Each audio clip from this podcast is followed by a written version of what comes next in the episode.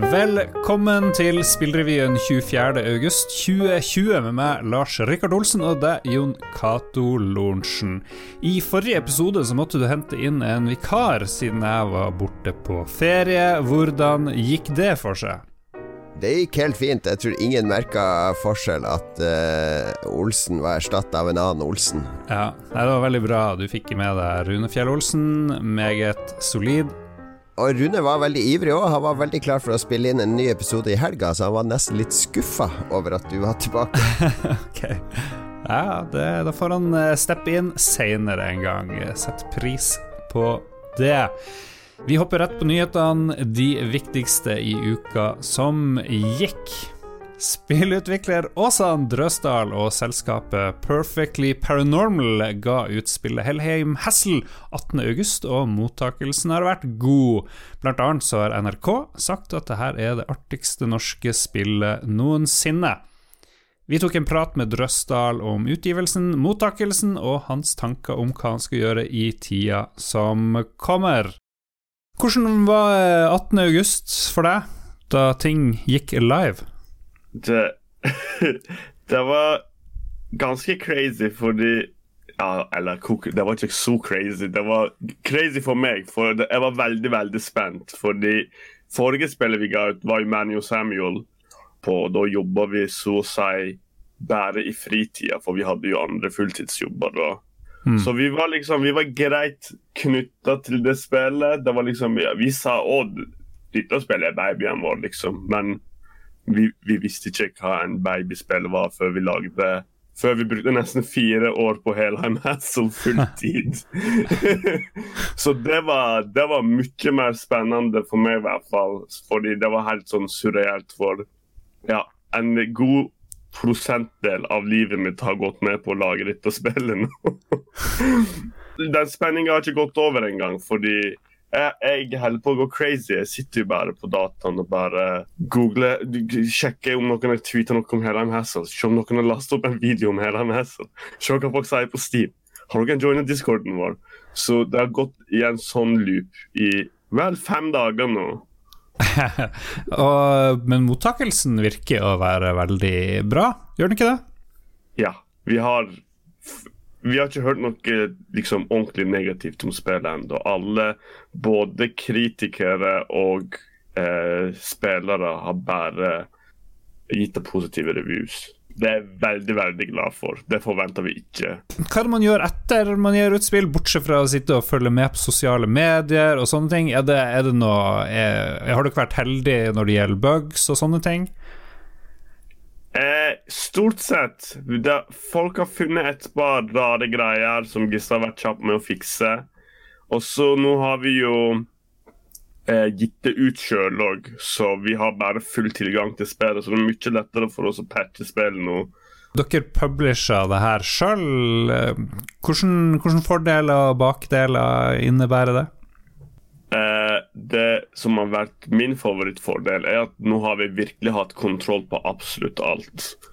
Det er jo fint å ha en publisher, fordi altså, de, de gjør jo ting for deg, sånn at du skal ha mer tid til å gjøre ting på spillet. Og det var jo greit òg når vi hadde publisher, men uh, nå så gjorde vi alt sjøl. ja. Og det tok jo masse tid, men vi hadde i alle fall kontroll på det. Så når det kom ut en trailer så visste jeg hvordan den traileren skulle være, fordi jeg lagde den traileren. Og vi lagde tre trailere, og f.eks. det at alt av trailere som kom ut, det, liksom, det, hadde jeg allerede godkjent, og jeg visste det var bra. Og det syns, fordi folk digger trailerne. for eksempel. Ja, de er veldig sånn artig. Takk.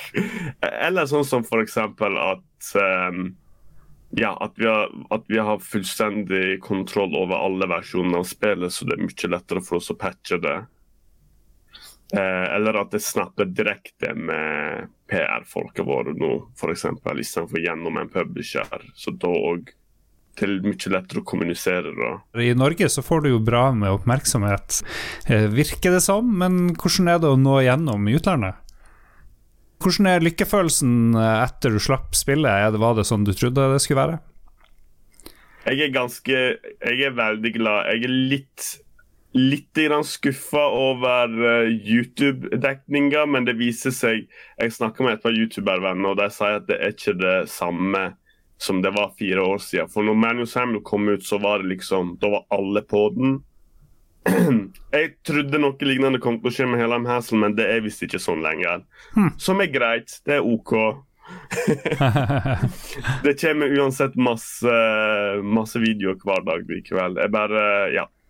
Og det kommer sikkert mer. Spillet har jo bare vært ute i fem dager. Jeg klarer ikke å huske engang om hvor, hvor fort de YouTube-videoene av Manu Samuel kom ut. Det kan hende det tok en uke eller to da òg, hvis jeg tenker over det. Ja. Så det kan hende vi fortsatt er der. Hvem veit. Ja. Jeg, bare, jeg, jeg syns jo spillet er dritbra, selvsagt. 100% beste spillet ever laga. Så jeg håpte jo på at det bare var 1000 nye videoer fra alle influencers ever med en gang vi trykte på launch-knappen, men det var ikke sånn. Har du prøvd uh, Hellheim Hassel, Jon Cato? Jeg har kjøpt det og lasta ned på Switch, men jeg har ikke spilt det ennå. Ja. Du har jo jobba sammen med Perfectly Paranormal og Osan uh, i Hamar Game Collective, uh, da dere enda holdt til der. Hvordan, uh, hvordan inntrykk fikk du av gjengen der? Det er en veldig artig gjeng. Altså, Åsan er jo helt unik i norsk spillbransje. Det snakka jeg og Rune om forrige gang òg. Eh, så de, de, er sånn kreative, artige humørspredere som, eh, som tar sjanser. Og Åsan også har hjulpet oss i, i Krillbite med, med, litt manushjelp og, og, andre ting på et spill vi jobber med nå. Så han er eh, han, han, virker som en tullebukk, men han er egentlig veldig proff og seriøs.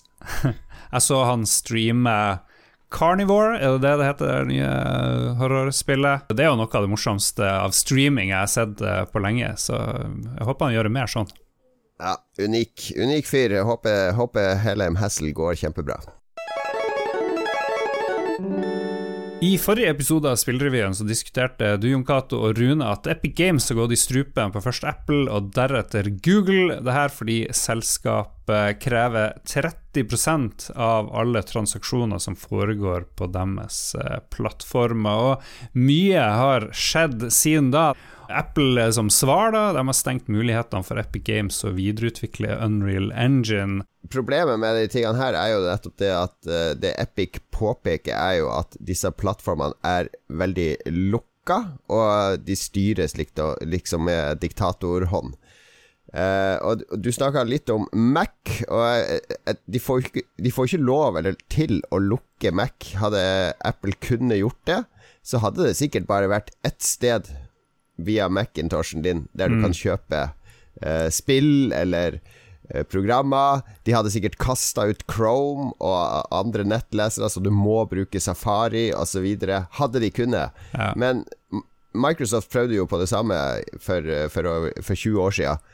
Og, eh, og, lykkes ikke. Altså de, de, fikk jo beskjed om at Windows må være åpen. Man må ha friheten til å bestemme sjøl hvor man skal handle. Så oppi hodet mitt så tenker jeg at uh, det er jo ingen grunn til at mobilplattformer uh, ikke også skal være åpne. At ja. uh, det skal være mulig å velge hvor du skal kjøpe tingene dine uten at noen skal sitte og ta en cut. Ja. Nei, det som var problemet til Microsoft tidligere, var jo at de var altfor store.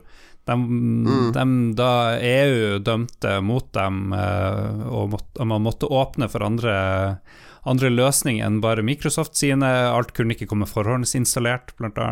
Uh, på Windows. Så var de jo i omtrent tilsynelatende i samme posisjon som Apple er i, i, mobilmarkedet mange steder i dag. Så det er ikke umulig at uh, de kan få en, en lignende reaksjon. Men nå er jo det her meldt inn i USA. Vi kjenner jo ikke til ja. hvordan eh, rettssystem og praksis fungerer der, men vi vet jo at EU er jo kjempeglad i å, å å, å opprettholde forbrukerne sine rettigheter. Så kanskje burde Epic ha gått til EU, f.eks. Det kunne jo vært interessant hvis de gjorde noe sånt, da. Ja, altså det er nok en sak som kommer til å rulle og gå i, mer i bakgrunnen enn kanskje i fronten. Fordi det vi ser, er jo bare den støyen ja. på Twitter og i Fortnite og litt, litt sånn propaganda fra Epic. Uh, det er nok mange aktører som jobber bak kulissene. uh, for, å, ja, for å få til ting. Men det, det er jo ikke så enkelt som at Epic er good guy og Apple er bad guy. Her er det jo gigantselskaper, men de kjemper om noe fundamentalt viktig, nemlig om eh, om det skal være fritt fram, eller mer frihet og åpenhet på, på lukka plattformer, som jeg syns er en viktig sak. For spillutviklere så er det vel mest uh, viktig i denne saken at uh, Apple nekter Epic å oppdatere Unreal Engine, så det vil jo i så fall visne bort. Man kan ikke, man kan ikke bruke en plattform som ikke lar seg utvikle videre. Hvordan, uh, hvordan blir dere berørt av det her? Hvordan blir spillindustrien berørt av det her? Ja, Krillbite har jo ikke brukt Unreal Engine, vi er på Unity, men det er mange norske utviklere som er i Unreal Engine, f.eks. Rock Pocket Games og Red Thread, uh, og Funcom har vel også laga spill i Unreal Engine. Så det er klart at du blir påvirka av det. Altså, det blir jo på en måte du blir nesten et gissel som Apple har tatt, eh, der de sier til Epic at ok, hvis ikke dere skjerper dere nå og trekker det søksmålet, så kommer tusenvis av spillutviklere til å eh, bli skadelidende. Eh, høres veldig dramatisk ut, men det er det jo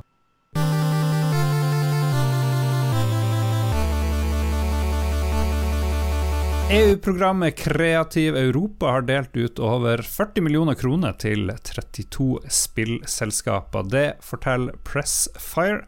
To norske selskaper får nyte godt av det her. Red Thread Games og Guppyworks Norway, som begge to får rundt 1,6 millioner kroner. Red Red får støtte til spillet Svalbard, der man skal jakte, utforske og bygge i en postapokalyptisk verden som er ødelagt av klimaforandringer og konflikter, forteller Pressfire. Mens uh, Guppy Work står bak 'Welcome to the Jungle'.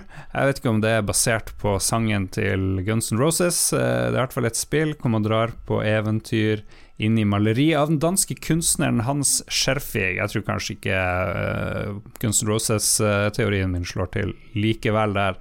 Er ikke Hans Scherfig uh, det ekte navnet til Axel Rose? jeg tror faktisk du har helt rett. 1,6 millioner kroner, det, jo, eh, det, må jo hjelpe bra på. Det er jo en par to-tre stillinger i et norsk spillselskap. Det er en bra start. Kreativ Europa deler ut der hvert år. Har de dette fondet der spillutviklere over hele Europa kan søke. Det er en ganske omfattende søknadsprosess, for jeg har vært gjennom den og fått avslag sjøl.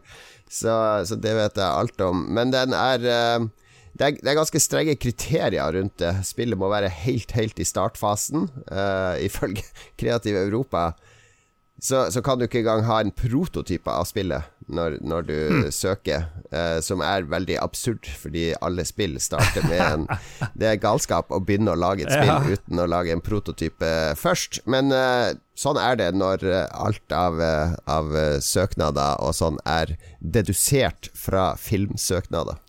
Ja det høres ut som galskap. Eh, de som har lagd det programmet, kan ikke forstå hvordan man lager spill, for du må jo teste om ting fungerer før du setter i gang ja, med ja, det. Ja, men det, det er, dette er jo noe som generelt har vært et problem med offentlige søknader i spillbransjen, er at mye av det er bare oversatt fra filmsøknader. Så man snakker om en utviklingsfase og en produksjonsfase, mens uh, spill er De to er jo stort sett molda sammen i én en eneste lang fase. Uh, man slutter jo ikke å utvikle et spill selv om man er i produksjonsfasen, men når du tenker ikke sant, du tenker som film. Det er det først du lager et manus, og så gjør du klar til filming, og så er du i produksjonsfasen når du er ute ja. de 20 dagene og filmer. Så det er det er mye sånne rare tankeganger. Det har blitt veldig bra på NFI. De har klart liksom å frigjøre seg fra mange av de filmlenkene, og, og de spillsøknadene har en forståelse av hvordan spill lages, men Kreativ Europa henger litt etter. Vi skal snart uh, snakke om ukas spillutgivelser som er verdt å nevne, men jeg fikk bare lyst å slenge på bordet at uh, Baldur's Gate 3 skal komme i Early Access i september, kom det nyhet om i forrige uke. Electronic Arts står bak det, og jeg kjente jeg ble litt uh, gira der. Vi snakker jo veldig sjelden om spillanseringer, rene annonsering av spill, men noen ganger så blir vi jo litt uh, revet med, og jeg må jo si jeg ser veldig frem til det. Og, men da gruer jeg meg til å måtte prøve Early Access-ting, da. Det har jeg aldri gjort. Jeg vet ikke om å spille uferdige spill, det har liksom aldri appellert uh, hos meg, egentlig. Det er litt både òg, fordi når Early Access kom, så var det veldig uferdige spill. Altså, det var liksom bare et skall av ting som kunne bli, bli til. Men nå er early, mange Early Access-spill nå er egentlig ganske fullverdige opplevelser. Men så bygges det ut med flere nivåer, flere fiender og sånn etter hvert. Så eh, Sånn som Hades fra Supergiant Games har jo vært et fullverdig spill fra dag én. Det har bare blitt større og større og, og kulere og kulere. Ja. Eh, 20 timer spilletid tror jeg du skulle få ut fra Ballerske 3, sa utviklerne, men ikke noe multiplayer, så da må du vente lenger på det hvis det er det du er ute etter.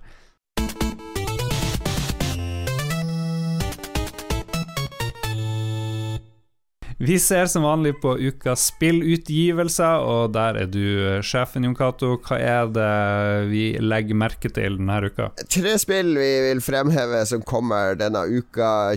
27. august kommer nemlig Tell Me Why. Dette er jo da franske Don't Nod, uh, som lagde Life Is Strange. Som ble et veldig populært sånn episodebasert uh, ungdomsdrama med litt sci-fi-elementer, kan du si. Eh, litt sånn pek-og-klikk-eventyraktige spill.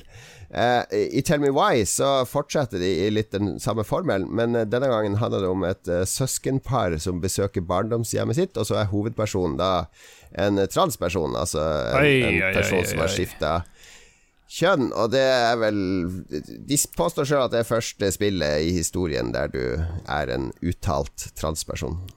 Jeg håper utviklerne har uh, fått opp alle firewalls, uh, eh, sikra seg mot swatting, for det kommer jo sikkert til å bli et helvete for noen av utviklerne. Frykter du det? Det går sikkert uh, greit. Det jeg er mest spent på, er jo hvordan uh, hvordan transmiljøet vil ta imot det spillet.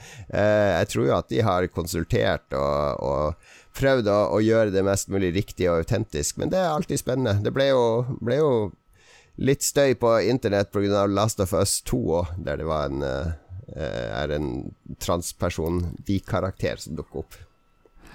Ja, og der gikk det jo hardt for seg for absolutt alle involverte. Så uh, det her er jo en rød klut til, til uh, Gamergate og de her uh, incel-gjengen. Så jeg grøsser ved tanken, faktisk. jeg gjør det.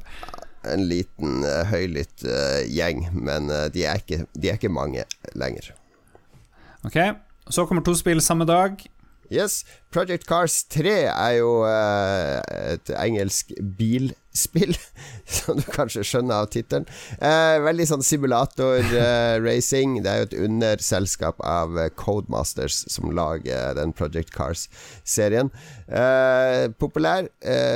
veldig Gran Turismo-aktig, men den er kanskje ikke så flashy og sexy som Gran Turismo. For jeg vet jo at du elsker Gran Turismo, Lars, men du jeg mm. tror ikke du er overhodet interessert i Project Cars.